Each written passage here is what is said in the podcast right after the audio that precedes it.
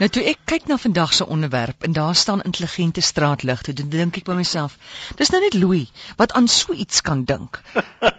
Maar Louis, welkom terug. Dit lyk my jy was nou by die Spitsberaad oor diensinnovasie van stede in Rio de Janeiro. So lyk my jy het 'n geloofwaardige storie oor hierdie ding. Dis nie 'n foefie nie. Nee, dis nie 'n foefie nie. Dit was 'n baie interessante ding wat ek gaan bywoon het in Rio de Janeiro. Dit was eintlik twee goede.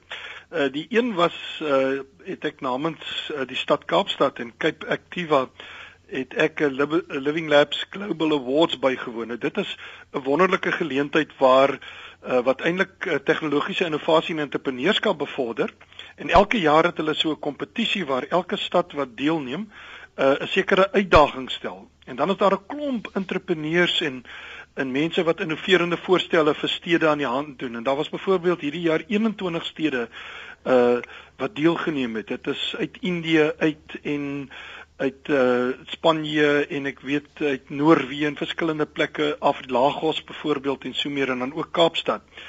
En uh Kaapstad het iemand gewen wat baie oulik is, is 'n maatskappy Sky en hulle het 'n program ontwerp vir Kaapstad wat 'n uh, sagte ware wat genoem word 'n platform wat genoem word Cape Genius. En dit sal nou 'n mense wat innoverende produkte het en dienste het en jy wil dit by die stad uitkry en wie bel jy tog? Ehm um, sal dit nou maklik maak en ek het ook 'n toekenning namens Kaapstad ontvang.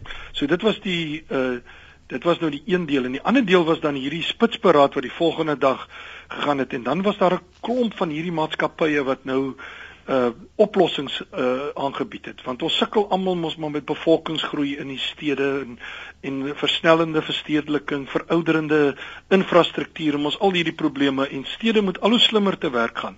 En toe kom hierdie mense en hulle sê maar ons het 'n klomp wonderlike oplossings, in nuwe innovasies wat hierdie probleme en die uitdagings uh, sal aanspreek.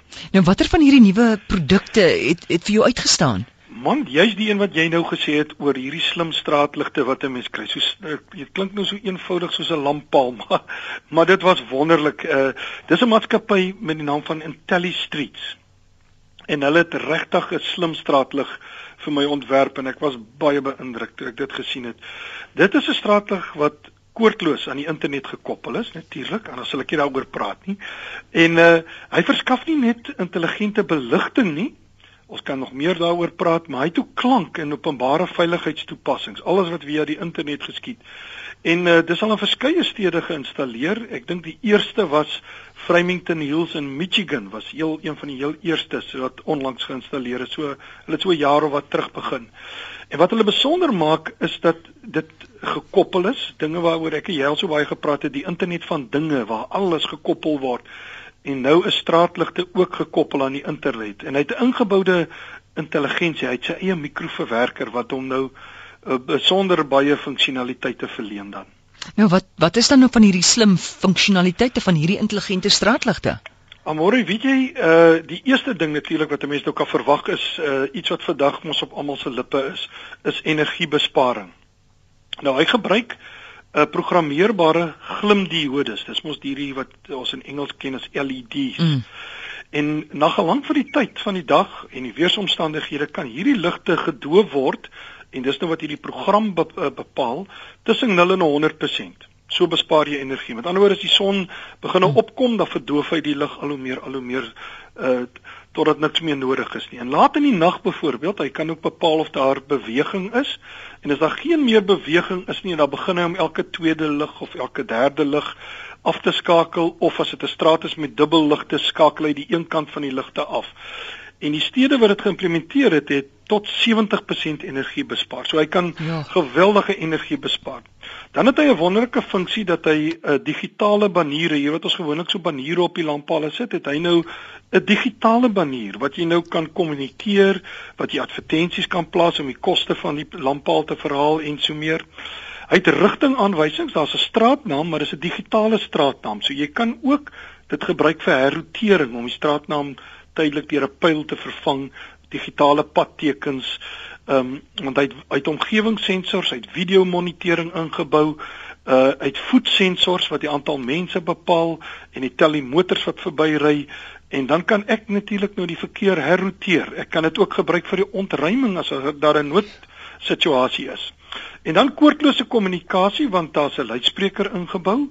So ek kan mense waarskuwings gee as daar 'n aardbewing is of 'n orkaan, kan ek sê julle moet nou ontruim en ek kan presies sê waar hulle moet gaan en wys waar hulle moet gaan.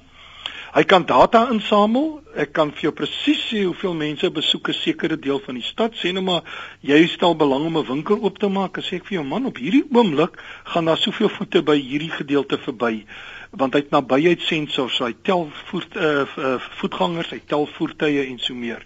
En dan natuurlik 'n laaste een is geweldige groot rol in veiligheid en sekuriteit wat hierdie uh, slim lamppale wil ek sê speel hierdie straatligte. Vertel 'n bietjie meer daarvan.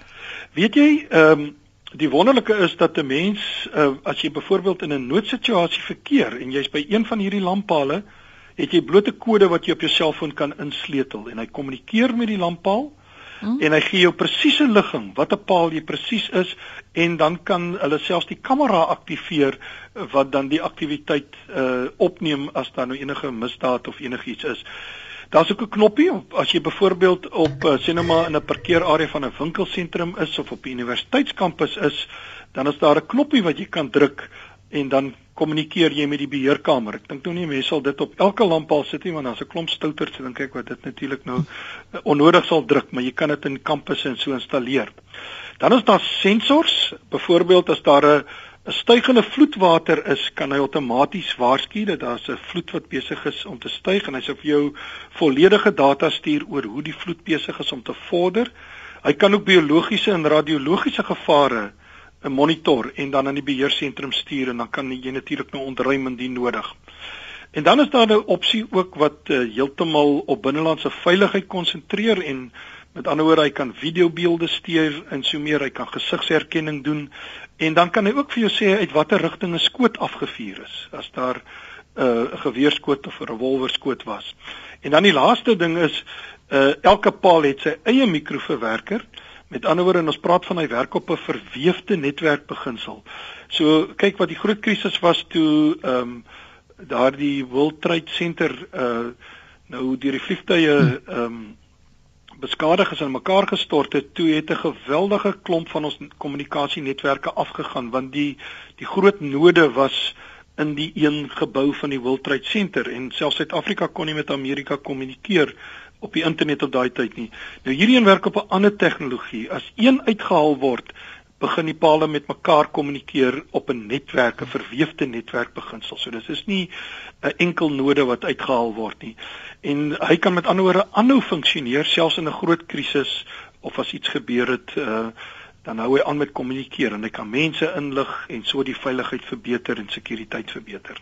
Ja, nou is so 'n slim paal, is dit vir ons ontwikkelende land beskore so iets. Ek dink is vir ons beskore dat uh, reg oor die wêreld al heelwat uh, uh soos ek gesê het munisipaliteite wat dit geïnstalleer het en daar was op by hierdie uh um, spitsberaad geweldige belangstelling in dit want jy hoef ook nou nie al die funksies ons het tog nou nie so baie biologiese en radiologiese gevare so jy hoef nou nie al die soos jy, altyd sê die katoeters en die foefies en die goed in te sit nie maar uh, dit is ook nie goedkoop nie omdat hy nou 'n mikroverwerker in het en al die funksionele funksionaliteite in het is dit nie 'n goedkoop paal nie. Ek dink hulle praat van met redelike van die fasiliteite het hy kos hy so 3000 dollar of kom ons sê so naby aan 24000 rand 'n paal wat ek nogal dink mm. nogal vir my baie duur is.